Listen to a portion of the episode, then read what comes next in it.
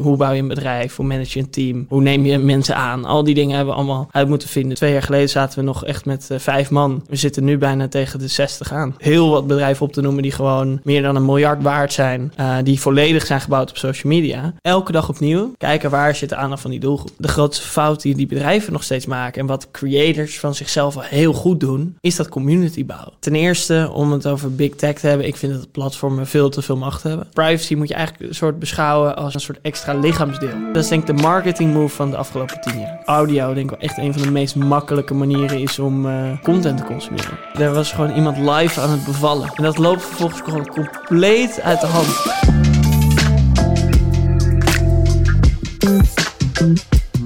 Welkom bij Even Relativeren, de podcast. En ik zit hier, dames en heren, ik zit hier gewoon met de Max Verstappen van de reclamewereld. Tim van der Wiel. Jezus. Ja, zo ben jij genoemd in een interview, Ja, zag dat ik. is uh, een keer uh, genoemd inderdaad. Wie, wie was verantwoordelijk voor die uitspraak? Welk interview was dat?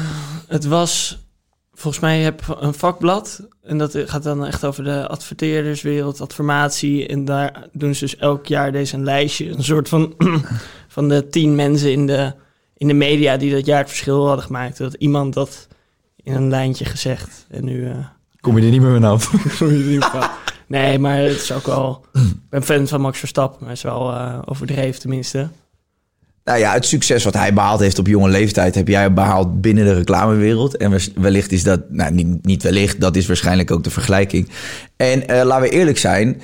Hij is nog geen wereldkampioen, hè? Nee, oké. Okay. duidelijk over zijn. Oké, okay, maar... maar uiteindelijk heeft hij natuurlijk wel gewoon, uh, vooral door zijn leeftijd, zoveel, uh, zoveel aandacht. En dat heb jij natuurlijk ook gekregen. Dat vraag ik me gelijk af. Voor de mensen die jou nog niet kennen, ja, je bent uh, super jong begonnen met een gigantisch bedrijf uit de grond te stampen, Go Spooky. Ik heb jou voor het eerst ontmoet, toen was je 17 jaar. Toen stond ik in een of ander achterlijk maatpak met een lege print op het dak bij RTL jou te interviewen. Waarom precies, weet ik niet. De producent die vond dat grappig. En, en toen zag ik, zag ik jou voor het eerst en toen gaf jij echt al, uh, ja, hoe zeg je dat, lezingen binnen RTL of... Uh, uh, ja, dan ging jij, ging jij de, de, de mensen van RTL toespreken over hoe deze wereld allemaal ging veranderen en zo. Toen was je 17 jaar. Ja, ja nee, dat is, toen waren we toevallig net begonnen met het bedrijf. Dus Ja. dat was denk ik echt, dat was in het begin. Want voor de mensen die dus, kijk, we zijn nu met bijna 60 mensen. En toen Ja. was het gewoon nog Liam, mijn compagnon en ik. En uh, waar we heel veel over vertelden was destijds Snapchat, daar begonnen we mee. En inderdaad van hoe eigenlijk de nieuwe mediakanalen aankwamen. Dus Snapchat, inderdaad uh, ook andere platforms zoals Twitch. Iedereen kende Facebook wel. Ja. En dat deden we dan bij RTL uh, en eigenlijk iedereen die het maar, maar wilde horen eigenlijk. Ja. Ja. Ja, wel waanzinnig dat je op die leeftijd... Kijk, dat wordt er natuurlijk ook steeds bijgehaald. En ik merk ook weer dat ik dat ga erbij halen. Omdat het toch een soort van gewoon wel uniek is dat je op die jonge leeftijd dat al ziet en dat ook nog weet om te zetten naar zo'n zo'n mooi groot bedrijf.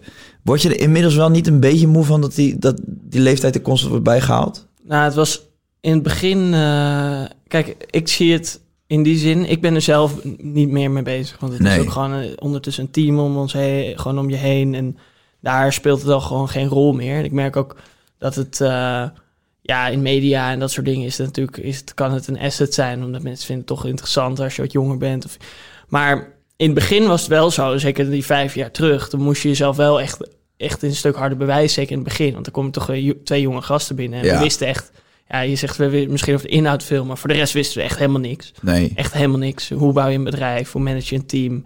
Hoe neem je mensen aan? Al die dingen hebben we allemaal uit moeten vinden. Dus dat, ehm, ja, in het begin uh, moet je jezelf iets harder bewijzen. En ik denk dat het nu eerder een asset is. Maar ik, ja, ik, ik heb het altijd zoiets van: oké, laten we het gewoon uh, over de inhoud hebben. En dan uh, prima, weet je wel, leeftijd neem je erin mee. Het is uiteindelijk moet je ook, moet je ook gewoon uh, tof dat je jong bent, maar je moet ook gewoon wel echt iets, uh, iets laten zien, vind ik. Tuurlijk, ja, maar dat heb je ook gedaan. Anders heb Ja, je niet, maar niet we, 60 we, zijn nog niet, we, zijn nog, we zijn nog niet klaar. Dus nee, oké, eh, je bent ambitieus en er staat nog veel op de planning en dat is ook goed als je onderneemt. Maar tegelijkertijd heb je natuurlijk al uh, ja, het een en ander bereikt. Laten we daar niet moeilijk over doen. Um, wat was dat? eh, ja, zeg maar, je bent een jaartje of weet ik veel, 13, 12, nee, misschien wat later, 14, dat je met Snapchat in aanraking komt. Nou, het, het lange verhaal is wel grappig, want ik verdiende mijn eerste online geld met dertiende. En toen was Snapchat nog niet... Dat was met je Twitter-account, Twitter. toch? Ja. dus ik had, eh, ik had... Twitter was toen echt nog onder de Nederlandse jongen was echt populair. En je had in de VS had je heel veel van die accounts die one-liners tweeten. Was Ja. Twitter echt nog puur tekst.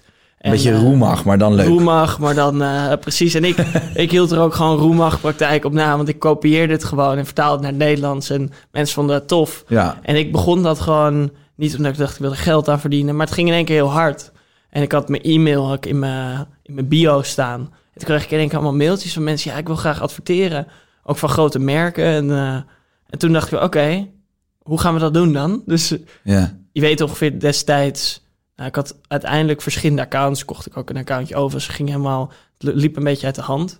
Eh, ja, en dan tegenwoordig het woord influencer of influencer marketing... of überhaupt betaald krijgen voor bereik... Mm. als je niet een groot mediabedrijf was, bestond eigenlijk nog niet online. Dus ja, wat kreeg ik voor een miljoen volgers? Dat was ongeveer 50 euro per tweet. Ja, als jij 13 bent, is dat echt heel Tuurlijk. veel geld. Zo, hou op. Ja. Dus eh, dat was eigenlijk een beetje toen ik erachter kwam van... oké, online als... maar wat ja. gebeurde er dan? Dus er vroeg, eh, weet ik veel, eh, WC Eend die vroeg van... doe eens een tweet waar je WC Eend in verwerkt. Ja, het, het verschilde heel erg. Dus ik kreeg hele sketchy... eh, soort van sms-diensten die benaderen. Maar ik kreeg ook gewoon echt grote merken. Ja. En, dit, en die, dat deed ik dan. En Ja, dat werkte gewoon heel goed. Want ik had echt mensen lazen het ook echt. Dus Kwamen ze nog goed weg hè, voor die 50 euro? komen ze, als, je, als ik dat nu vergelijk met nu, dan eh, heb ik echt veel te vroeg gepiekt. Ja. Eh, maar zo kwam ik achter van oké, online daar kan je een business op bouwen, daar kan je geld mee verdienen. Ehm, en eh, ik kwam toen in contact met Spinning Records. Dus Ja. ik kom zelf uit Hilversum. Zij zaten daar ook. Die hadden wel eens wat op dat Twitter-account ook gedaan. En die zaten ze van, oké, er zit een 14-jarig knaapje achter. Ja. Dus ik zei, ja, kom maar gewoon een keer, een keer bij langs op kantoor. Willen we Bij mijn ouders thuis. Hoe je, hoe, je dat, hoe je dat doet. Ja. Ja, en eh, Twitter begon toen een beetje af te sterven. Toen ben ik eigenlijk daar begonnen. Eh, gewoon naast mijn school. En daar, dat was echt de tijd dat ze... een, eh, nou, je- voor mensen die spinning niet kennen, Martin Garrix, alle grote Mm. artiesten, die zijn daar eigenlijk hun carrière begonnen. ja. En ik was eigenlijk een beetje de persoon die daar drie dagen per week rondliep. En als er een nieuw platform was, dan werd eigenlijk gezegd... ja, Tim, ga jij dat maar even uitzoeken. Ja. En zo kwam ik eigenlijk in contact met ten eerste een bedrijf wat heel hard groeide. Ja. Dus spinning, toen kwam zaten er denk ik 30, 40 mensen en uiteindelijk echt naar 100 zoveel man gegroeid. Dus dat vond ik heel interessant. En tegelijkertijd allemaal nieuwe platformen. En hoe bouw je nou echt een bedrijf op social media? Want dat hele bedrijf, het is uiteindelijk ook verkocht, ehm, was gewoon helemaal gebouwd op die social media platformen. En daarin liepen ze eigenlijk enorm voor op alle andere bedrijven die gewoon veel traditioneler zijn, waar data en social en hoe gebruik je een nieuw platform nou echt een mindere rol speelde. En toen kwam ik dus in contact met eh, mijn compagnon, huidige compagnon Liam. Hij eh, werkte destijds bij de, in de zomer bij een zomerproject bij de NOS om ook Snapchat op te zetten. Wij deden heel veel Snap bij spinning. En toen kwamen we eigenlijk in contact van ja, laten we wat tips en tricks uitwisselen. Eh, via een online platform, maar we kennen elkaar helemaal niet. Via een online forum, volgens mij een Facebookgroep, Young Creators groep. Er zitten nu heel veel mensen in. Toen zaten een hele kleine, was echt een klein groepje. Ja. En ja, toen zei ik had eigenlijk nog steeds die. Ik onderneemde niet meer. Ik zat gewoon naast mijn school. Ik vond het wel prima, weet je wel. Eh, en op een gegeven moment dacht ik, wel, ja, ik wil eigenlijk toch wel weer ondernemen. Toen zei ik tegen ja, zullen we gewoon een bedrijf beginnen die hier in het bedrijf gaat adviseren? Ja. Om hoe gebruik je nieuwe platformen? Nou, toen kwam dus ook dat RTL, de heel veel presentaties geven. Maar we kwamen er toch wel achter dat, hey, je kan mensen wel uitleggen hoe ze het moeten doen. En vervolgens werd er alsnog niks mee gedaan. Dus toen kwam eigenlijk de vraag, ja, kun je het ook maken? Hey, kun je er ook een strategie heen, omheen? Ja, tuurlijk, doen we allemaal. En op een gegeven moment doe je eigenlijk een campagne vanaf het begin tot aan het eind. Ehm, toen nog heel erg Snapchat. Maar de, eigenlijk de keuze om met Snapchat te beginnen was heel bewust. Want we zagen Snap... eh, ten eerste was het heel hot, dat platform. Niet veel, heel veel mensen wisten er wat vanaf. Het was eigenlijk een beetje... Ja, de, wat TikTok twee jaar geleden was. Dat is Snapchat was dat toen. Mhm. En we zagen het echt als de toekomst van hoe mensen social wilden gebruiken. Dus veel meer via mobiel. Ja. Veel meer met de filters, stories. Dus toen alle andere platformen dat begon te kopiëren... was voor ons eigenlijk heel makkelijk om te zeggen... ja, doen we ook wel Instagram. Doen we ook wel LinkedIn. We Ja, kunnen stories op Instagram is gewoon één op één gejat van Snapchat. Dus dat was, dat was wel mooi. En we wisten in het begin al wel van ja, we gaan niet alleen maar Snapchat doen. Maar het was voor ons een hele mooie, makkelijke manier eigenlijk. Dat we heel veel wisten, heel erg specialistisch, om gewoon bij heel veel partijen in één keer aan tafel te komen. En vanaf daar zijn we eigenlijk gewoon gaan bouwen. Ja. En dat is de afgelopen twee jaar voor namelijk echt heel hard gegaan. Dus zijn ja, we- twee jaar geleden zaten we nog echt met eh, vijf man. We zitten nu bijna tegen de 60 aan. Ja. Eh, En dat is allemaal onder de vlag van Go Spooky, hè? klopt. En, en die naam Go Spooky, je hebt mij dat ooit uitgelegd, maar waar kwam die ook weer vandaan? Nou, we zijn dus begonnen op Snapchat. Ja. Het, eh, we wilden merken op Snapchat krijgen. En het Snapchat-logo is een spookje. Oh ja, dat, ja, Dus ja, het was eigenlijk heel simpel, go spooky. En het was wel een grappig Mm. verhaal, want je kan er heel lang over je naam en je logo en dat soort dingen. We hebben dat echt in een dag gefixt. En eh, ik ben bij nader inzien blij dat het geen Snapchat Advies BV of zo heet. ja, inderdaad. Want het is toch wel... eh, maar we zaten er ook helemaal niet in met... hey, dit gaat heel groot worden. Nee, dat Dit- zal- Het Ja. is gewoon ook een beetje... Uiteindelijk moet je dat, ben je dat natuurlijk... hey, hier hebben we wat, eh, laten we eens nadenken. Maar het begon gewoon echt van... hey, laten we dit gewoon doen en kijken wat het wordt. We deden het na school. Dus ik zou ook... De afgelopen twee jaar zijn we echt hard aan het schalen geweest. En eigenlijk de twee jaar daarvoor was het gewoon nog een beetje na school. Ik heb op een gegeven moment echt nog gedacht van... Ja, ga ik studeren of ga ik dit doen? Nou, uiteindelijk dit eh, maar gaan, gaan doen voor een eh, jaar. En als het niks zou worden, zou ik, maar, eh, zou ik alsnog gaan studeren. dit Ja, maar dus, even gaan doen. Hè? Gewoon Go Ja, maar- maar even gaan doen. Ja, maar dit, dit was dat was jaar, toen, ja. drie, vier jaar terug was het echt nog niet, echt Nee. nog niet zo heel substantieel. Het is denk Nee. ik de afgelopen periode is pas echt heel erg hard gegaan. ja, te gek. En ik vind het een goede naam. Hij is catchy. Ik vind het echt een vette naam. Ja, top. Eh, grappig hoe je, ja, hoe je af en toe op eh, namen van bedrijven komt. Hè? Ondernemingen, ja, hoe, hoe dat begint. Ik vind het wel leuk. De, va- vaak hoe- heb je daar helemaal geen denktank voor nodig... die dan eeuwen zitten te, te, te schakelen met van... oké, als we deze naam gebruiken... dat leert weer aan dit en dit. Ja, ja Dus- ik, vind dat, ik vind dat verhaal van eh, Nike heel mooi. Dus die swoosh die ze hebben, Ja, die hebben ze... eh, Volgens mij heeft een designer heeft dat voor 30 dollar gedesigned. ja. Dus ze vonden het in het begin helemaal geen mooi logo. Nee. Maar dat is ook een beetje met namen en logo's. Je, je kan echt je, je kan er echt heel lang over nadenken. Maar een logo is in, insta- in eerste instantie is het ook niks. Je moet het echt, Nee. je moet er een verhaal mee gaan Klopt. maken. Je moet het gaan laden zelf. Dus Ja. dat, ja, dat vind ik wel mooi. ja. denk ik ook wel zo terug. Ja, maar ja, we hebben het echt in website, logo, kleur. We gebruiken alles nog steeds Ja. op die manier. En we hebben het gewoon in de middag, eh, middag gefixt. ja, maar als het op een gegeven moment staat en het gaat leven... en je behaalt er succes mee... dan, krijgt, dan gaat zo'n logo vanzelf een bepaalde waarde krijgen. Precies. Dus je moet uiteindelijk presteren en dan komt de rest wel vanzelf. Hey, eh verbaasde jou het niet dat, dat al die grote partijen... Je hebt, nu we hebben het een beetje over vier jaar geleden... dat je bij RTL binnenstapte en eh, presentaties gaf... maar bij veel meer andere bedrijven. Ik heb, ik heb best wel lang eigenlijk gewoon me verbaasd over het feit... dat ik dan mensen sprak en die dan in mijn optiek best wel veel bereikt hadden. Grote bedrijven runnen en dan tegen mij zeiden van... Ja, jij doet dan iets met dat Facebook of zo. Iets een beetje filmpjes. En dan kan je dan liken of zo. Dat ik echt dacht zo, maar wat is hier gebeurd? En toen heb ik wel eens gedacht, gaat die technologie gewoon niet te snel? Dat gewoon, hoe intelligent je ook bent of hoe ondernemend je ook bent... dat je het soms gewoon niet meer volgt. Ja, ik, we, doen, we zijn natuurlijk via. Ik verbaas me nog steeds elke dag. Dat je Ja. wat dingen die. En voor jou natuurlijk, jij zit er middenin. Ik zit er ook middenin. Ik denk voor elke persoon onder de 30 is het denk ik gewoon heel normaal wat er gebeurt. Maar toch, ja, de meeste grote bedrijven. eh, en ik wil niet per se zeggen dat het een leeftijdding is, want dat is ook niet waar. Want ik ken echt Nee, dat denk ik Eh, ook niet. Tenminste, ik ken genoeg 60-jarigen die echt er middenin zitten. En die misschien wel beter weten dan een, eh, dan een 20-jarige. Maar over het algemeen denk ik dat... Dat is denk ik de grootste fout die be- be- grote CEO's of gewoon bedrijven hebben. Maar ook ondernemers. Is dat ze uiteindelijk niet meer, de, eh, het niet meer nodig vinden om verder te innoveren. Mm, Dus dat mm. letterlijk, en daar, daar verbaas ik me dus gewoon voornamelijk over dat, ik bedoel, een nieuw platform. Of het nou TikTok is, of je hebt nu Clubhouse of iets anders. Dat mensen niet even, als je letterlijk vier uur die app gebruikt, dan heb je echt de basis, heb je wel door. Ja, En het is echt, of je kijkt, het is meer gewoon een soort van nee, ik ben gewoon heel comfortabel met wat we nu al doen exact. dan dat we verder gaan kijken. En dat is denk ik waar ik me het meest over verbaas. En je kan natuurlijk echt specialist en echt... En dan gaan, kom je natuurlijk bij een partij bijvoorbeeld zoals soms. Maar letterlijk de basis kan je gewoon download die app, kijk een paar filmpjes erover. Je kan zoveel informatie. Dus dat, ja, ik vind dat nooit een excuus van leeftijd of iets anders. Of ik heb geen tijd. Het is gewoon echt een soort mindset. En ik denk wel, en dat is wel serieus, als je kijkt dat heel veel grote bedrijven die dit dus niet begrijpen, ja, die worden gewoon links-rechts ingehaald door kleinere bedrijven, wat ondertussen ook al geen kleine bedrijven meer zijn. Er zijn echt heel wat bedrijven op te noemen die gewoon meer dan een miljard waard zijn. Eh, die volledig zijn gebouwd op social media. Ja. Door mensen die het dus wel snappen. Ja.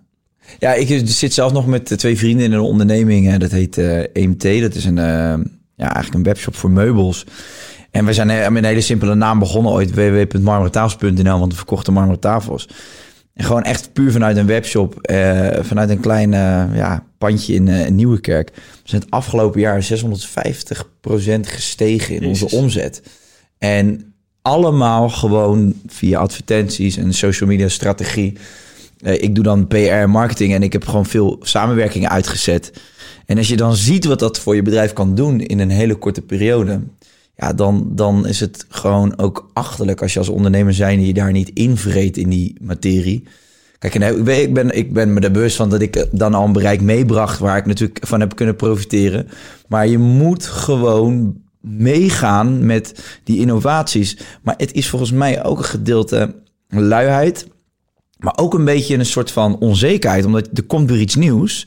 En je denkt, oh nee, ik wil er niet aan, want het ging zo lekker. Wat jij net ook al zei, ik ben Ja. comfortabel in hetgeen wat ik doe. En er komt er iets nieuws en nee, nee, ik doe net wat ik niet leuk vind. Ik zou je eerlijk zeggen, ik had, merkte het bij mezelf ook toen TikTok opkwam.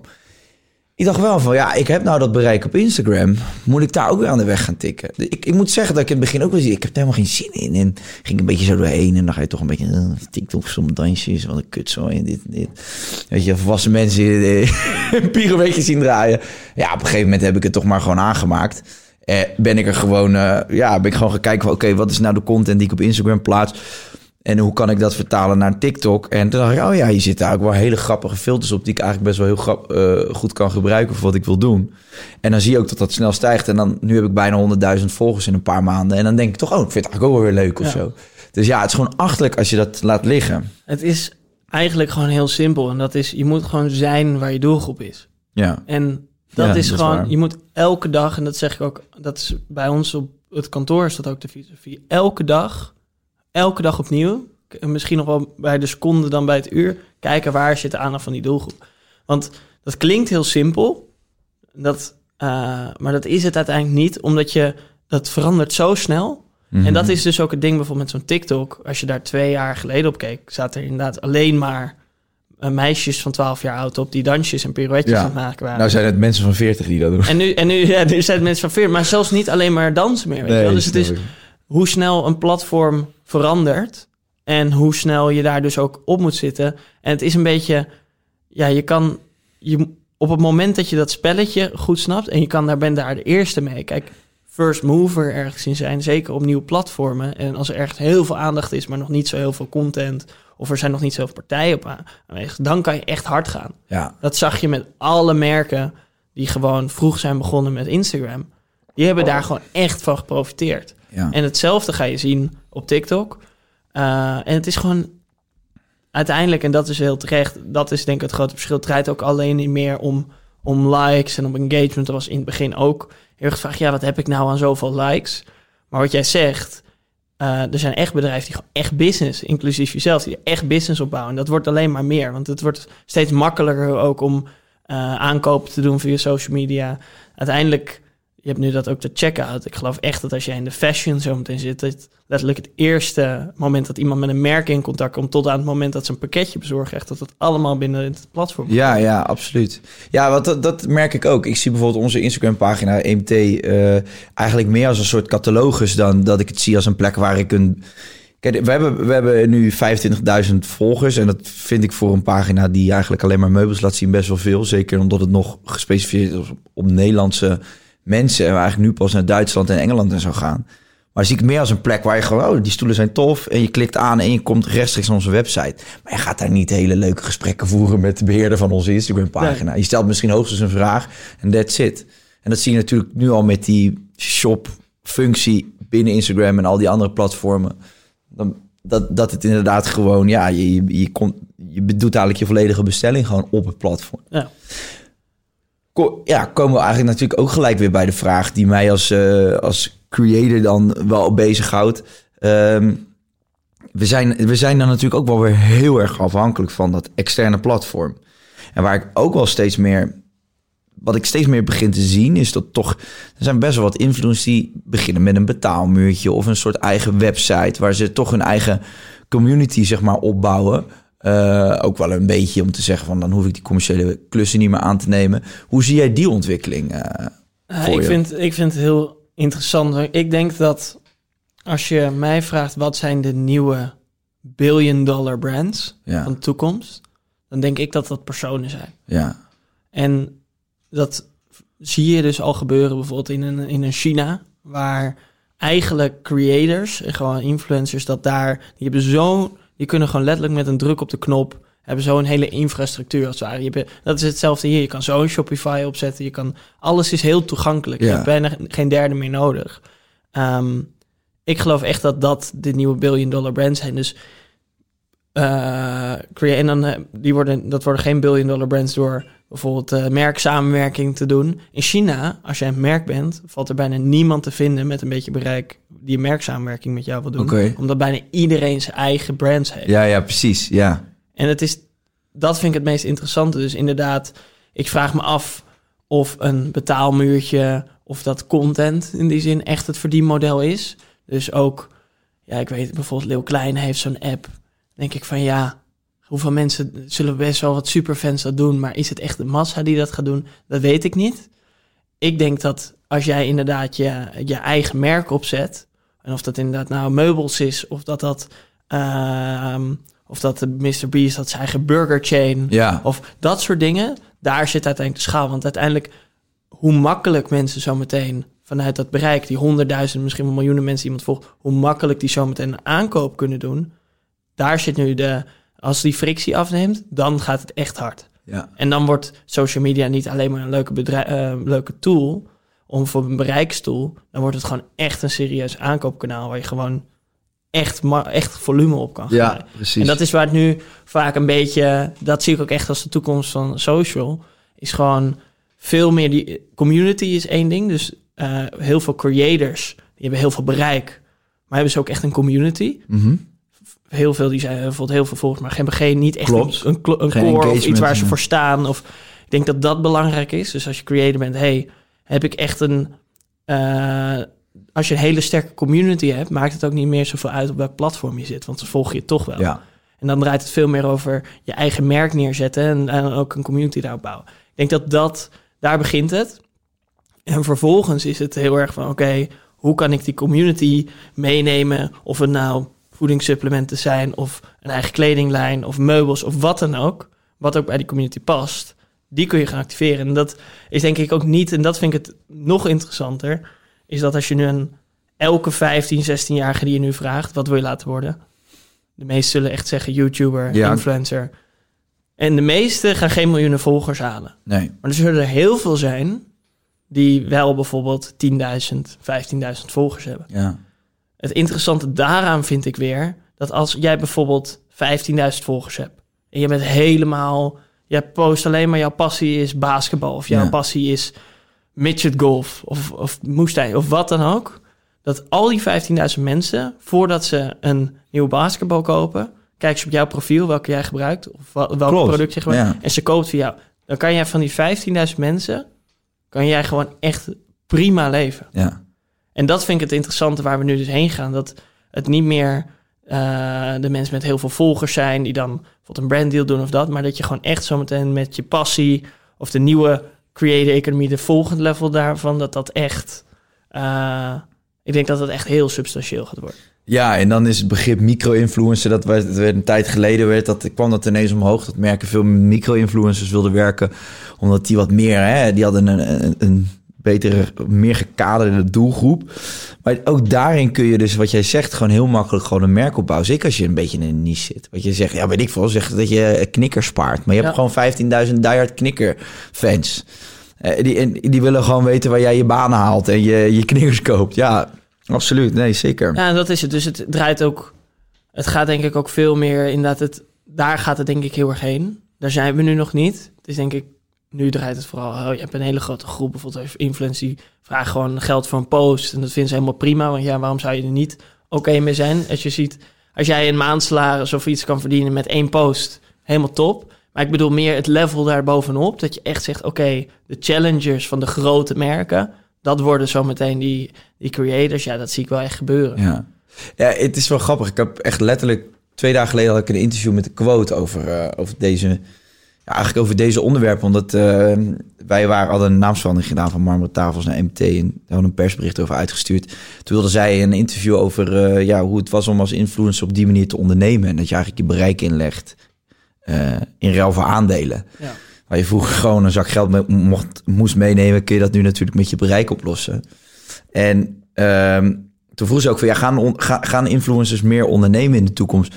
En eigenlijk gebeurde dat wel al, hè? want ik bedoel, een Enzo Knol, Calvin, eh, hadden allemaal merchandise lijnen, verkochte agenda's, et cetera. Dat is al wat jij eigenlijk ook benoemt, want in China nog groter is. Maar het belangrijkste vind ik, dat op het moment dat jij als influencer een eenmalige campagne doet, dan help jij een merk of een product te groeien. Maar jij stuurt zelf een eenmalige factuur. Maar die actie of die campagne die je hebt, ja, die je hebt uitgevoerd, die heeft wel effect op de langere termijn. Dus dat rolt als een olievlek, rolt dat uit. En jij bent er eigenlijk weer uitgestapt. Het was heel zonde, want dat zijn jouw volgers. Dat zijn de mensen die iets van jou aannemen. Dus zorg dan ook dat die groep en, en dat bereik wat je hebt opgebouwd, dat je die inzet, eh, zakelijk gezien, voor iets waar jij echt achter staat.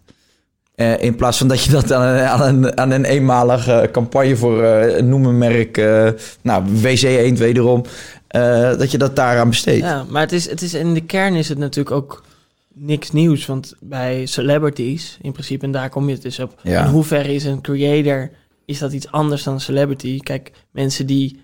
eh, Michael Jordan heeft dit uitgevonden. Dit, ja. Dus ik Nike zie- had nooit zo groot geweest zonder Michael Jordan. Nee, maar ik geloof dus ook dat de... eh, dan heb je het inderdaad de sporters, de DJ's, snap ik.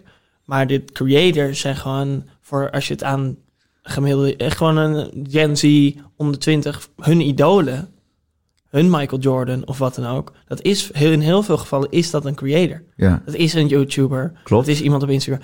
Dus om het vanuit dat perspectief te zien, is denk ik de grote shift. En heel veel, en dat bedoel ik dus als je dus over influencer marketing en over creators, dat is vaak wat de grote, oudere mensen die denken, oh ja, daar kijkt mijn zoon of dochter naar. dat snappen ze nog niet. Maar die realiteit gaat, gaat dat soort merken echt heel snel inhalen. Ja, ja. Ja, nou geloof ik wel dat ze bij, bij de echte grote merken en bedrijven wel gewoon inmiddels, mag ik toch hopen, een team hebben zitten met mensen die daar wel in zijn opgegroeid en dat gewoon goed snappen. Ja, maar ik was bijvoorbeeld, dat was wel interessant, was bij een heel groot voedselconcern. En toen vertelden we ook meer gewoon over wat daar in China gebeurde. En Zo van, zij zeiden letterlijk, ja, moeten wij ons zorgen maken? Want waarom zou, waarom zou een, als, letterlijk als jij of iemand anders een eh, merk opricht, je gewoon een concurrent ze. Ja, ja. En zij hebben dat bereik online niet. Zij moeten ervoor betalen. Zij hebben die community vaak niet. Dat is toch vaak merken die communiceren veel liever over product. En er zijn een paar merken die een Nike, die snappen wel heel goed dat je community moet bouwen. En dat daar eigenlijk social voor bedoeld is. En dan zijn de budgetten zo groot dat je die partijen gewoon- of die, die, die koppen en die gezichten gewoon inkoopt. Ja, precies. Maar dan denk dat dat eh, vooral is de grootste fout die die bedrijven nog steeds maken. En wat creators van zichzelf al heel goed doen, is dat community bouwen. Ja, Dus een Nike bouwt een community online. Maar als jij bijvoorbeeld een eh, zeg grote voedselmerken, weet je, die, die pushen gewoon producten. Ja, we gaan maar ook maar kijken hoe kun je een community bouwen rondom een pot pindakaas. Het is best lastig, maar je kan wel bijvoorbeeld weer zeggen, oh, het is Nederlands of iets dan. Dus ik denk dat dat de grote fout is, dat bedrijven social media, en dat is hetzelfde met influencers. Ze zien social media nog steeds te veel als een laatste stap. Dus ze hebben inderdaad een influencer team zitten. Maar dat gaat pas aan het werk op het moment dat alles al gedaan is. ja, Oh, dan moeten we ook nog een paar influencers erbij hebben. ja. Terwijl het gaat eigenlijk om hoe ga je social media veel meer als startpunt pakken. En dat is waarom wij ook zeggen, ja, wij zijn heel social first. Wij beginnen bij het platform, beginnen bij hoe gebruikt zo'n doelgroep een platform. En wat is de rol van jou als merk daarin?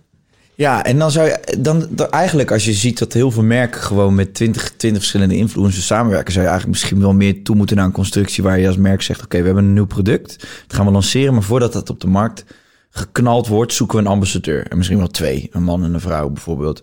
En dan zeggen we gewoon van jullie zitten voor 30% in dit product. En jullie zijn gewoon fulltime, zijn jullie gewoon ambassadeur van dit product.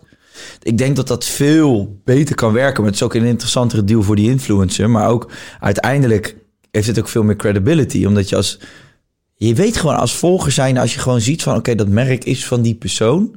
Dan, vind je dat, dan is dat ook sympathieker. Want je gunt het dan ook meer. Nou, personen zijn vaak, en dat is het grote verschil. En de, de personen zijn vaak authentieker inderdaad dan, dan merken. Ja. Dus je connect niet alleen maar met die persoon. Nee, ik vind het ook tof wat hij wat die draagt. Waar die in welke muziek die luistert. Dat personen zijn gewoon veel meer.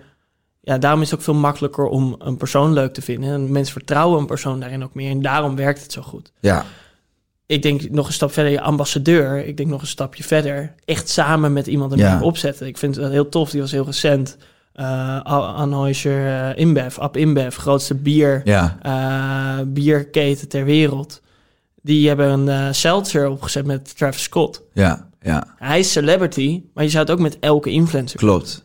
En je ziet dus ook gelijk dat mensen die vinden hem vet, weet Ja. je wel. Die, die, je krijgt, gelijk een gevoel bij zo'n, bij zo'n nieuw merk. Omdat zijn gezicht eraan verbonden is. En je ziet ook mensen op Instagram delen het. het- het- hij draagt dat. Ja. En dat is denk ik de next step. Ehm, ja, en het is eh, misschien niet... Op, en dat vind ik altijd wel... Zeggen, in China gebeurt dit al volle bak. Ehm, je verwacht altijd, dit gaat heel snel. En dan toch duurt het nog langer. Want vijf jaar geleden waren we, hadden we eenzelfde soort gesprek. Ja.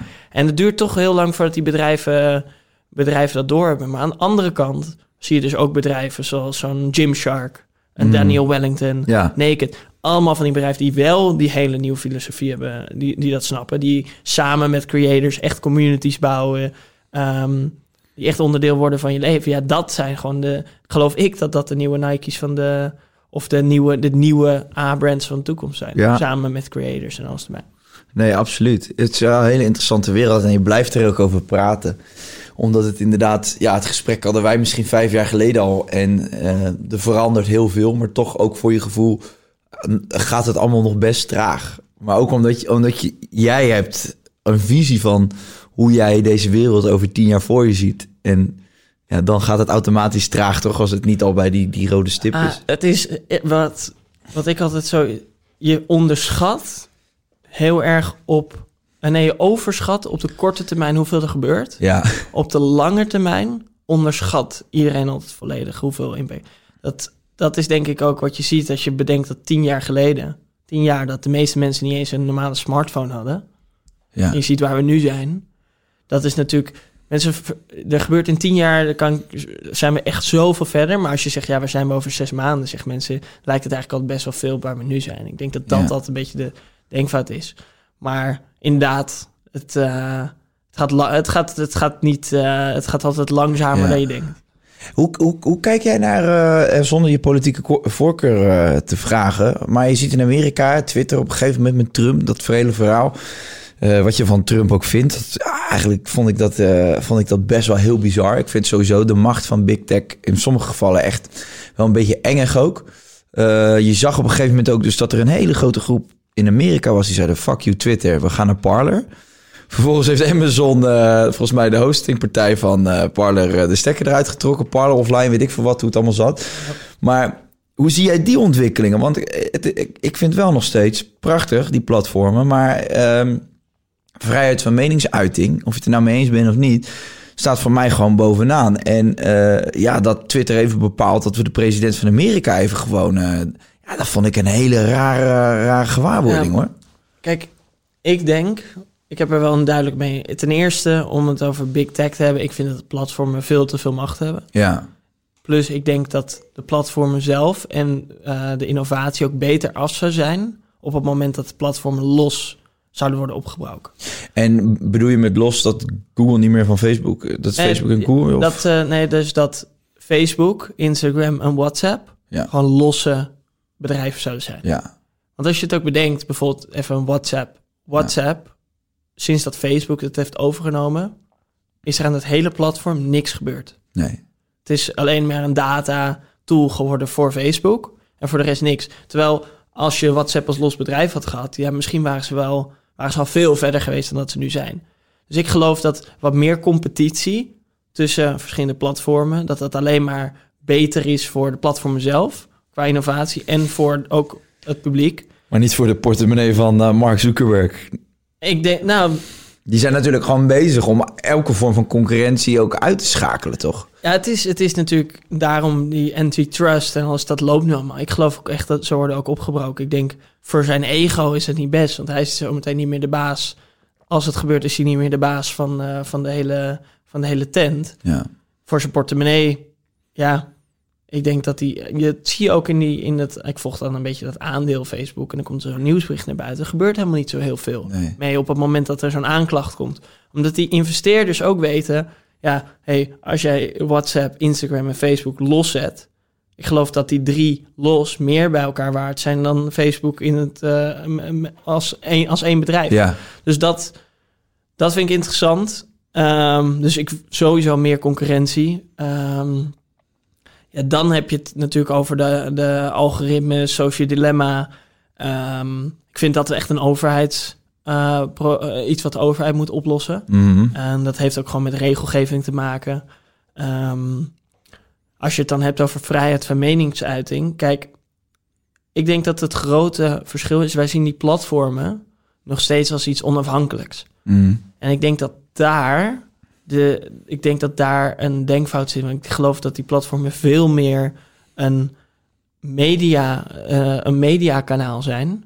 Eh, net zoals een krant of, een, eh, of iets anders. Dat zij bepalen, je sign up voor Twitter. Zij bepalen wat er op hun platform gebeurt. Mhm. Zij mogen dat doen. Dat is gewoon hun voorwaarde, dat mogen ze doen. Dus je krijgt, en het wordt bestuurd door mensen. Dus uiteindelijk, end of the day, zijn platformen nooit 100% neutraal. Nee. En Nee. ik denk dat dat. ehm, dus we moeten die platformen ook veel meer gaan zien als mediapartijen. En veel minder als onafhankelijk orgaan, want dat zijn ze niet. Ja, dus die verwachtingen moeten we gewoon bijschaven. Ja, en, en ik denk dus ook regelgeving. Kijk, als jij eh, eh, op een televisiekanaal of iets anders of een krant of weet je, dan heb je gewoon ook aan bepaalde regels te houden. Maar wat wel jammer is aan dat verhaal, is dat je, je krijgt dadelijk gewoon... In, in, eh, Twitter is dan in Amerika is dan de plek voor de democraten. En dan wordt een parler bij wijze van de plek voor de republikeinen. En dan krijg je dat dat, dat versplinterd wordt over twee platformen. En die krijgen dan ook nog eens allebei een enorme stempel. En dan wordt het weer hokjes.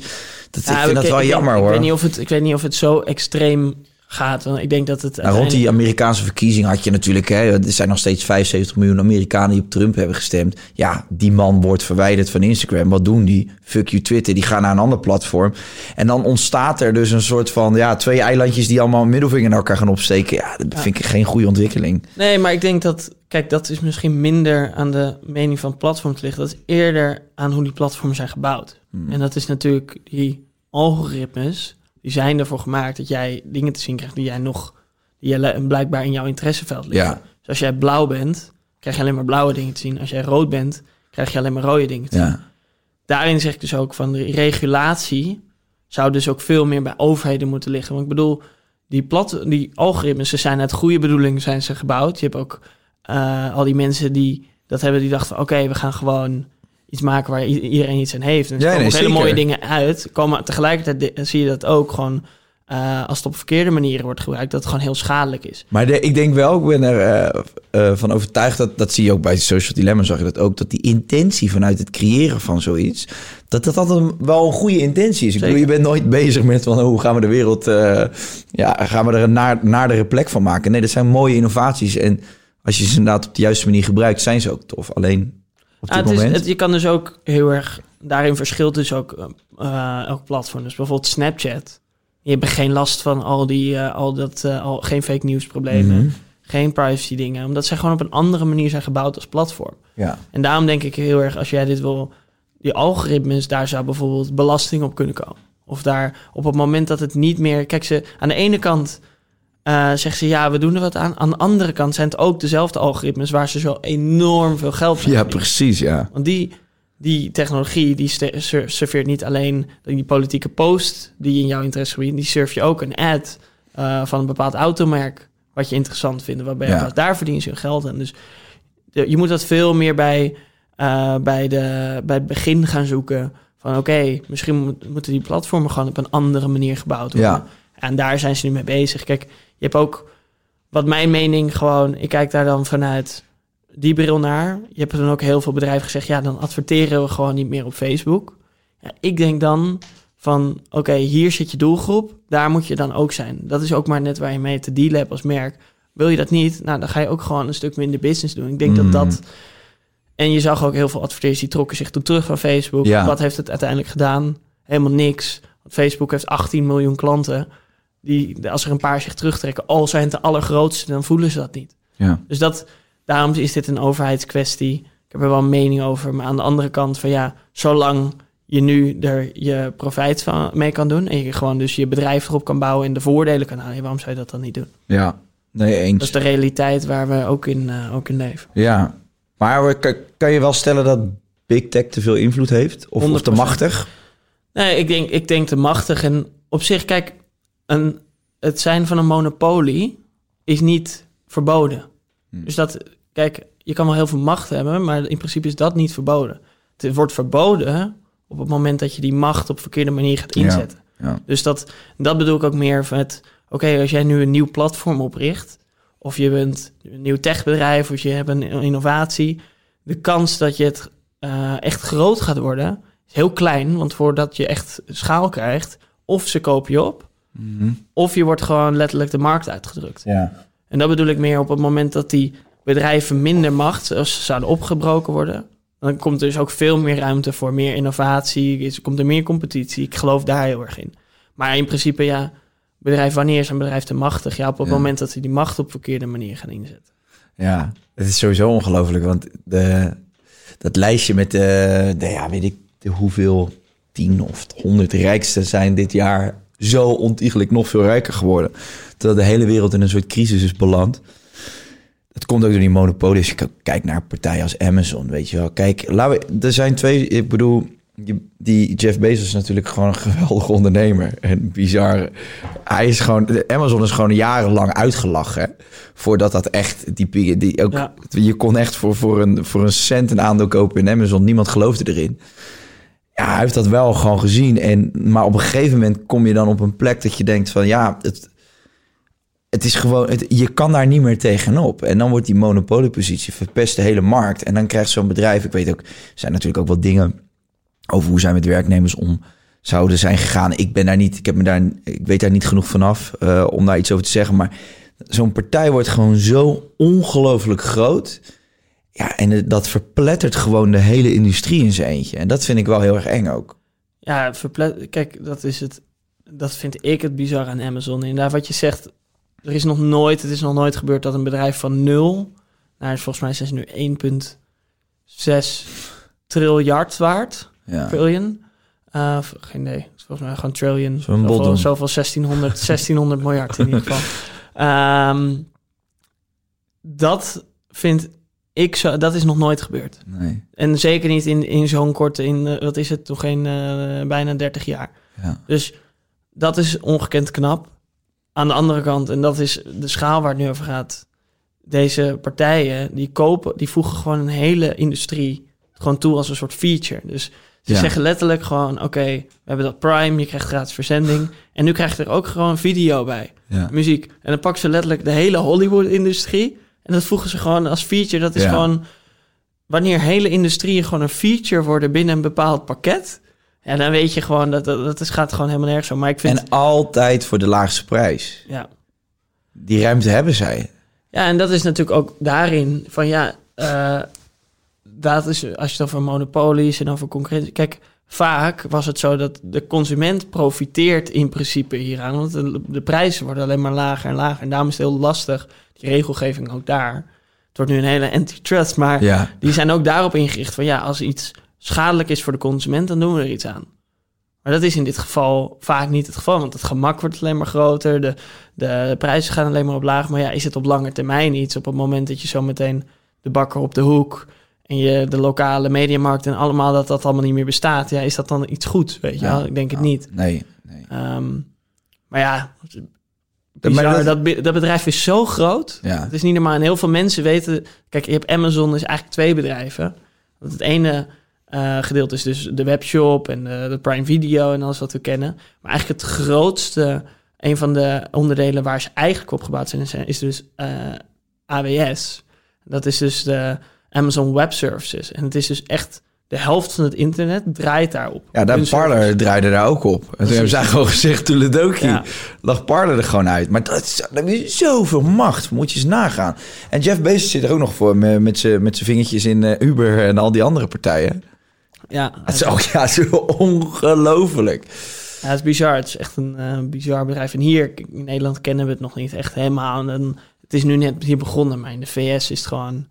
Bijna, volgens mij twee keer zoveel mensen hebben... meer huishoudens in de VS hebben een Amazon Prime abonnement... dan dat mensen een wapen hebben. Ja. Twee keer zoveel. Ja, ja, dat is veel. Dat is dus volgens mij, is volgens mij 82% of zo. Dat, dat is ongekend. En eh, in Duitsland gebruiken ze Amazon als, als bijna als Google. Hè? Dus het is gewoon als jij zegt, ik wil een marmertafel, dan ga je gewoon dan ga je op Amazon kijken van marmertafel. Oh. Dan ga je niet naar Google van waar kan ik die kopen.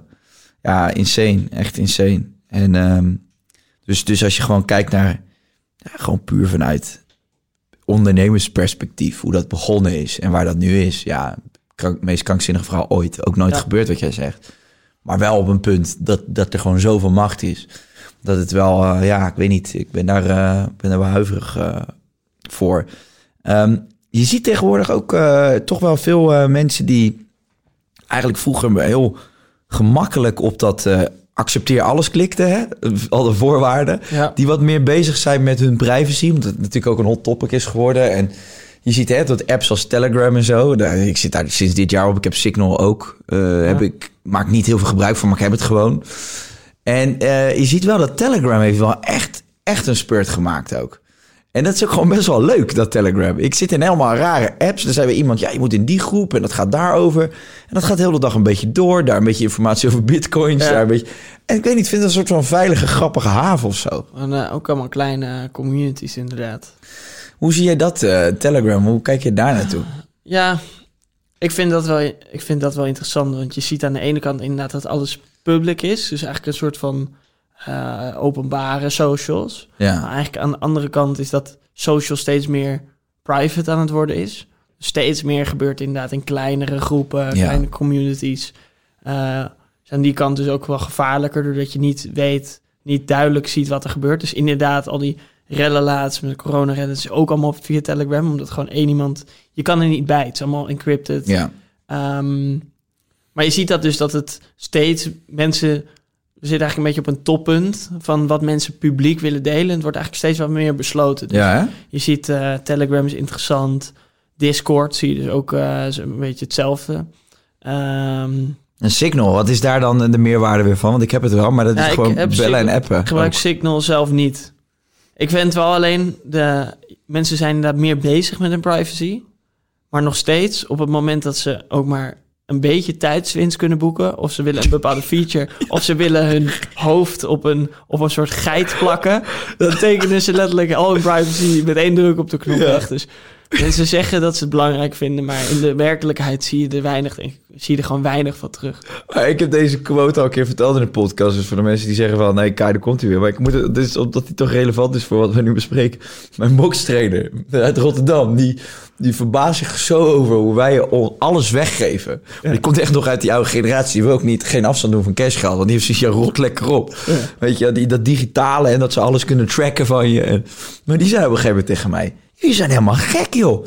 Dan heb je zo'n iPhone... En dan geef je het meest kostbare gedeelte van je lichaam weg. Je vingerafdruk. Potverdomme, de politie moest 40 verzoeken hebben vroeger om zo'n ding te krijgen. En toen zat ik erover na te denken. Toen dacht ik, ja, maar dat is ook best wel bizar. Dus wij geven een vingerafdrukje, een face scan. Dan geven we ook nog eens alles weg waar we wonen, want Google trekt alles. Het is echt bizar. En je hoort natuurlijk de meest gebruikte zin is van ja, ik heb toch niks te verbergen. Maar ik vind het wel prettig als we met z'n allen wel het gesprek blijven aangaan over oké, wat vinden we ja, wat vinden we nog normaal, weet je wel? En in hoeverre, in hoeverre blijven we dit accepteren? En moeten we niet toch een keer met z'n allen zeggen van... oké, ja, ik heb niks te verbergen... maar ik vind het eigenlijk gewoon wel genoeg geweest. Ja, ik vond het wel interessant. Ik zat laatst naar iemand te luisteren en die zei van ja, je privacy zou eigenlijk, volgens mij zijn ze ook met een soort regeling bezig. Ik weet het fijn niet van, ik ben ook geen privacy expert. Maar die zei eigenlijk van ja, je privacy moet je eigenlijk een soort beschouwen als je een extra, moeten we eigenlijk gewoon gaan zien als een soort extra lichaamsdeel. Dus gewoon net zoals dat je je lever niet kan verkopen. nee. Tenminste, dat, dat, tenminste, dat daar regels voor zijn dat Ja. je dat niet kan. ja mooi. Dan moet je dat eigenlijk ook met je privacy zien. Dat is dus ook op het moment dat je het aan iemand geeft, of dat nou een techbedrijf is, dan moet, ze, moet dat niet in één keer van hun zijn. Dat is eigenlijk hoe je het, hoe, wat denk ik de beste vergelijking is. En dat zie je nu wel. Nu bijvoorbeeld Apple komt met die eh, nieuwe privacy. Apple loopt echt natuurlijk echt, die zit, keihard op privacy. Mhm. Dus wel slim. Want zij zijn de enige die er geen, bijna de enige die er geen, eh, niet hun geld aan verdienen. Eh, ja, dus je kan, dat is ook een manier om de concurrenten te tackelen. Degene die bij Apple, ik denk 2012, 13, heeft gezegd van... hé, hey, wij gaan van privacy ons, ons, eigenlijk onze USP, ons ding maken. Dat, die, dat, denk de market, dat is denk ik de marketing move van de afgelopen tien jaar. Ja. Want zij zijn in die zin... Je ziet het nu ook met... eh, nou, ze hebben echt grote eh, beef met eh, Facebook en allemaal... Zij zijn daar, hebben daar zoveel profijt van. En dat is ook het ding met die vingerafdruk. Inderdaad, die staat op die telefoon. Maar zij zijn dus ook al heel vaak in het nieuws geweest... omdat de FBI toegang wilde tot eh, telefoons van Apple. En dat ze het gewoon niet gaven. Zo'n achterdeurtje ge geeft ze niet. Ja, Kun je gelijk in alle telefoons. Ja, ja, ja, ja. Zij zijn daar heel, heel standvastig in. Vind ik de beste marketing move die ze tot nu toe hebben gedaan. Want dat is ook precies de plek, privacy, waar, al, waar Facebook niet naartoe kan. Waar Google niet naartoe kan. Waar Amazon niet naartoe kan. Allemaal gebruiken ze die data en Apple doet dat gewoon niet. Ja, oké. Ja, dat wist ik eigenlijk niet.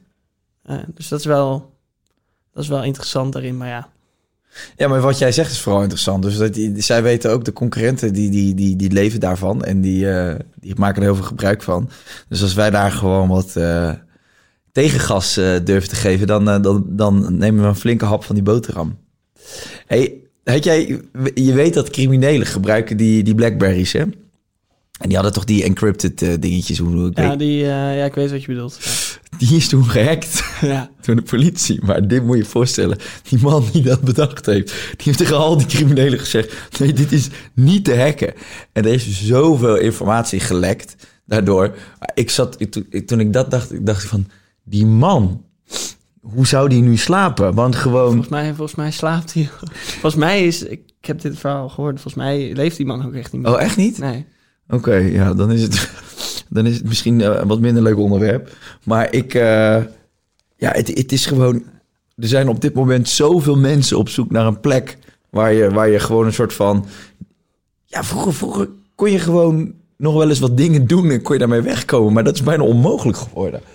Nee, ja, in die zin, is- het is natuurlijk wel een andere tijd. Heb je wel, eh, heb je wel een punt. Ja, als je nu, ik bedoel maar, als je nu iets, iets doet, of je staat er bij een, eh, bij een protest, wat dan ook. Ja, je staat gelijk, je doet iets, je staat gelijk met je kop op internet. Dat Precies. was vroeger wel anders natuurlijk. Vroeger kon er was een bank overvallen, gezellig. en dan kwam je daar gewoon mee weg. Dan stapte je op je paard en dan reed je naar een ander dorp. En dan eh, met je zak goud en dan niemand wist dat jij het was. hey, ehm, je, hebt, je hebt ook Speak Eye. Speak, speak, want ik, Ja, Speak IA. ja dus wel, dat is wel interessant. We, zijn, eh, we deden toen alleen Snapchat. En toen zagen we, oké, toen zagen we die voice en eh, speakers heel erg opkomen. En toen was het voor ons niet logisch om te zeggen van... hé, hey, laten we daar dat onder de Go Spooky vlag doen. Mm, Toen waren we nog niet zo breed. Dus hebben we dat eh Speaky inderdaad opgericht... dat heel erg op voice technologie en messaging en dat soort dingen zaten. En uiteindelijk hebben we besloten om dat weer onder te brengen binnen het huidige bedrijf. Dus dat hebben we inderdaad toen opgericht. Dat zijn een paar van die, van die leermomenten dat je denkt... oh, kan het beter onder één merk houden... en daar je focus op houden dan dat het te breder is. ja.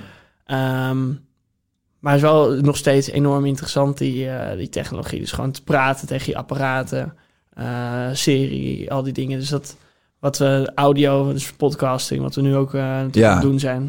Ik geloof dat audio denk ik wel echt een van de meest makkelijke manieren is om, eh, om eh, content te consumeren. En grappig, want er, er werd jaren gezegd van radio vervalt binnenkort. Niemand luistert er meer naar. Eh, iedereen wil beeld. Het moet allemaal, ja, het moet allemaal, moet allemaal prikkelen. Alle, alle zintuigen moeten geprikkeld worden. Terwijl je ziet nu ook de opkomst met podcast. Hoeveel mensen dat... Ik ben begonnen met een podcast omdat ik er zelf zo graag naar luisterde. Ja. Niet naar mezelf, maar naar eh podcast van Joe Rogan bijvoorbeeld. Of eh, op een gegeven moment had zelfs Mike Tyson een podcast. Heerlijk. Lekker tijdens het koken op de achtergrond zo'n ding aan. Precies, maar ik denk dat dat ook de kracht van is. Doordat je het gewoon zo op momenten kan... Op het moment dat je niet een video kijkt of een boek, eh, een boek of iets leest... Luisteren kan je... Je kan iets luisteren, je kan in de auto zitten... Je kan inderdaad koken, de was doen, wat je wil. Werk. Ehm, het is heel passief kun je het consumeren. Ik denk dat Ja, dat precies. het Ja. erin is. Dus ik denk ook niet dat het heel erg gaat cannibaliseren op bijvoorbeeld video. Dat mensen minder video's gaan kijken Nee, doordat nee. ze podcast. Ik denk juist de momenten dat je niet naar eh, een video kijkt... op het moment dat je normaal gesproken geen content consumeerde... dat dat nu in één keer momenten zijn... hey, pak die podcast erbij.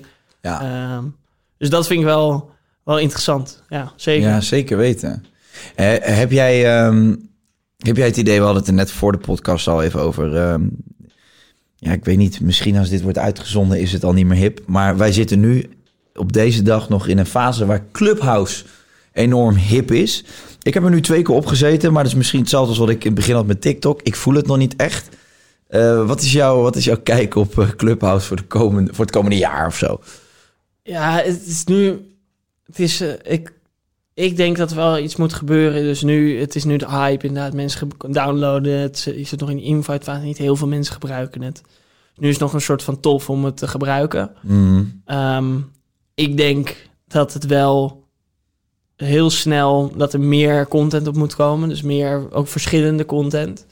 Eh, wat anders denk ik dat het eerder bij een hype blijft. mhm. Dus ik vraag me af of het over een half jaar nog relevant is. Ja. Maar ook hierin, en dat bedoel ik meer met, ja, dan kan je ervoor kiezen om niks ermee te doen. Ja, als er nu veel mensen op zitten, moet je er ook nu zijn. En daarna gaan we weer door naar het volgende. ja, ja. Ik denk dat dat ook... dus Ik heb er zelf een paar dingen op gedaan. Een paar sessies gehost. Best wel, best wel interessant. En je merkt dus ook dat je bijvoorbeeld alweer veel meer volgers groeit. Dan bijvoorbeeld op een Instagram of op een LinkedIn. Ja, zit dus wel aandacht. Spreekt ook weer een nieuw publiek aan. ja. En die kun je weer meenemen naar het, naar het volgende ding. Precies, ja. ja. Voor de mensen die Clubhouse niet kennen, het is eigenlijk een plek waar je gewoon met elkaar kunt praten. Je kunt groepen openen en alles werkt op, eh, ja, op voice. Ehm, kan je iemand uitnodigen, ga je gesprek mee aan. En daar zitten dan soms 80, 100 mensen die daar naar luisteren. En het werd eigenlijk in het begin vooral gebruikt om te netwerken. Maar tegenwoordig zie je dus ook wel dat er gewoon hilarische dingen gebeuren. Ik eh, begreep van een jongen die ik ken dat er... eh, dat hij in een clubhouse groep zat waar volledige eh, eh, familieruzies werden uitgesproken. een zus en- of een zus, een broer en een moeder die eh, ja, dingen gingen uitpraten. En daar konden dan gewoon honderd mensen. eh, Ik zat, dus, ik zat dus laatst in eentje, die, daar was gewoon iemand live aan het bevallen. Maar wat, dit is ook wel weer zo mooi aan de tijd waar we in zitten. Het ontstaat gewoon ineens, deze gekke shit. Ja, het, is, het is gewoon... Ja, het is gewoon... je- Ja, het is lastig. Het gebeurt, er gebeuren gewoon... Dat vind ik ook met het internet. Er gebeuren hele nare dingen op. Er Ja, gebeuren hele mooie dingen op. En soms zit het ergens in het midden. En dan denk je gewoon... Oh, van die hele rare dingen. Die Ja. niemand aan ziet komen. Dus ook Klopt. bijvoorbeeld waar ik heel hard om moest lachen. Waar ik echt... Waar ik dacht van, hoe kan dit nou? Was dat hele... Ik weet niet of je dat hebt gevolgd. Dat hele GameStop verhaal. ja, ja. Op Reddit. ja. denk van, oké, dit begint gewoon als een soort kleine meme. Mm. En dat loopt vervolgens gewoon compleet uit de hand. Ja, Totdat gewoon er een soort van eh hedge fund van 14 miljard op klappen staat. Het is niet normaal. En, en Elon Musk is in deze tijd eigenlijk de enige miljardair die zich een beetje zo, hè, die zich een beetje los lijkt te wurmen van dat groepje miljardairs wat allemaal op één hoop wordt gegooid. En die gewoon snapt wat, wat memes zijn en die daar gewoon op meespeelt. Ik heb je dat met Dogecoin gevolgd. Ja, maar deze gozer die tweet iets en het is gewoon... Ja, het is bizar. Aan de andere kant kan je ook afvragen, ja, moet je dat dan doen? Ik vind wel... Ik vind het wel grappig ergens. In een tijd dat we ons toch heel erg vervelen, vond ik het wel een eh, welkome actie. Maar ik moest ook heel erg lachen om die... eh, dan plaatst hij verdomme de volgende dag ook een foto met het logo van Dogecoin. Dat is de Lion King, dat hij dat ding zo naar voren houdt. Ja, ik vind dat wel geinig. Ja. Het is gewoon een... een ik vind Elon Musk sowieso, ik vind een soort halve robot. Als, die, als je hem hoort praten, ook bij Joe Rogan weer, weet je wel. Dan, het is, deze man is volgens mij zo ongelooflijk intelligent... dat hij, dat hij het maar moeilijk vindt ook om gewoon hier te zijn, present of zo. Ja, ik vind... Ik heb dat, eh, dat boek van hem gelezen. Ja, wat je zegt, die, die is gewoon zo, zo, zo intelligent. Niet, gewoon ongekend. Maar daarin, daarin ook... Van ja, hij runt nu eh, twee bedrijven. Dat Spa- SpaceX runt hij en dan Tesla. En dat Neuralink, eh, Ja, daar is hij dan nog bij eh, betrokken. Volgens mij, ja, het is on- ongekend. Wat vind jij van zoiets als Neuralink? Want dat, eh, dat is, de- hij zegt, stel je voor hè, dat hij dus met een chip in je hersenen kan, ervoor kan zorgen dat jij weer kan zien terwijl je blind bent. Fantastisch. Maar tegelijkertijd vind ik, heb ik ook altijd met dit soort dingen zoiets van, pff, tering. Gaat wel heel erg naar, eh, op een film lijken dit. eh. en ook weer van, ja, wat als dat dan in verkeerde handen komt? Weet je, het is... Hoe ja, kijk jij het is, ja, dat, dat is het vooral. Ik denk, je hebt dat soort dingen. Je hebt ook natuurlijk dat AI-vraagstuk. Ja, het moet, als het in de verkeerde handen valt, het moet het moet natuurlijk, zolang het werkt. En het, het is, ja, het is natuurlijk als je blind bent en je kan zien, fantastisch. Ja, Dat, wil, dat wil je.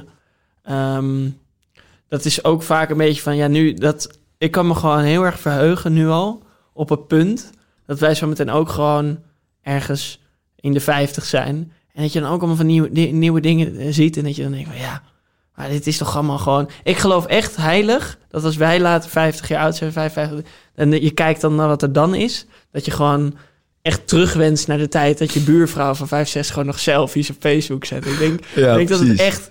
Ik kan het niet voorstellen waar het heen gaat, maar het gaat zo snel. Ja, En eh, ja, hetzelfde met bijvoorbeeld AI. Daar is Elon Musk zit er natuurlijk ook Ja. heel erg op. Zeg ja, er moet, er moet wel echt regulering komen. Want het heeft de potentie om gewoon iedereen uit te roeien. ja, ja, precies. Ja, dat is, dat is doodeng, ja. Maar ja, we gaan het meemaken. hey, eh, Tim, ik ga je vriendelijk bedanken voor je komst. Ik ga heel, heel veel succes wensen met al je bedrijven. En nou, ik weet zeker dat we nog veel van je gaan zien en horen. En eh, ook voor jou, kom nog een keer terug als je het leuk vindt. Eh, laten we over, zeker over tien jaar nog eens gaan zitten. kijken hoe dit is afgelopen. En je bent altijd welkom als je iets nieuws hebt of je wil iets delen. Kom lekker langs, stuur me een appje. En nou ja, tot een volgende keer. Gezellig, leuk om, eh, leuk om te worden. Oké, top. Eh, jullie bedankt voor het kijken en luisteren. En ik zou zeggen tot de volgende keer. En ik moet van mijn geweldige cameraman en editor... die nu dat ding staat te besturen... nog iets belangrijks zeggen. 70% van de luisteraars luistert zonder geabonneerd te zijn. Ik weet dat ik het nooit zeg, want ik, ik heb gewoon een hekel gekregen aan YouTubers die zeggen... vergeet niet te abonneren, voor me. Dus ik wil het skippen, maar het zou toch leuk zijn als je abonneert. Kleine moeite. Dankjewel, doei doei!